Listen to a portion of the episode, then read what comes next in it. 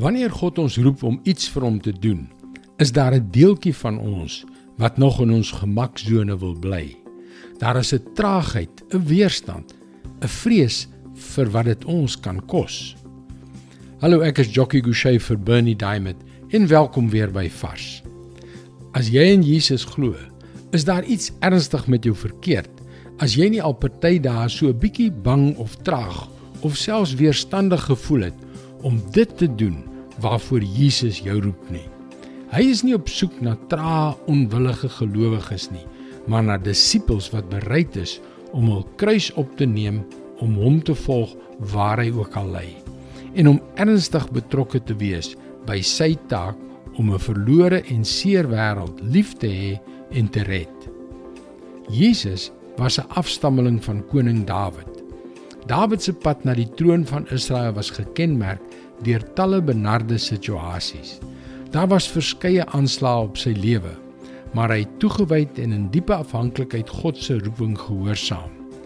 In een van daardie vreesaanjaende situasies het Dawid tot God geroep. Psalm 28 vers 1 en 2. Ek roep na U, Here my rots, moet tog nie doof wees vir my nie. As U bly swyg, sal ek wees soos 'n sterwende. Hoor my smeekstem as ek na U roep om hulp. As ek my hande in gebed uitsteek na die allerheiligste deel van U tempel. Bruce Wilkinson skryf in sy boek Jabes se gebed: Jy sal byna altyd vrees ervaar wanneer jy 'n nuwe grondgebied vir God begin inneem.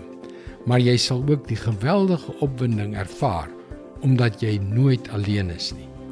En wat 'n geweldige opwindende vooruitsig is dit nie.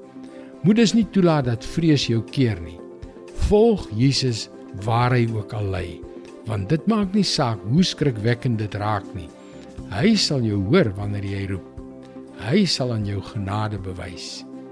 Dit is God se woord vars vir jou vandag. Ek wil jou uitdaag om Jesus onverskrokke te volg. Jy sal nooit weer dieselfde wees nie. En indien jy na vorige vars boodskappe wil luister, hulle is ook almal op Potgooi beskikbaar. Soek vir Vars vandag op Google of op 'n Potgooi platform so Spotify. En luister weer môre op jou gunstelingstasie na nog 'n vars boodskap. Mooi loop. Tot môre.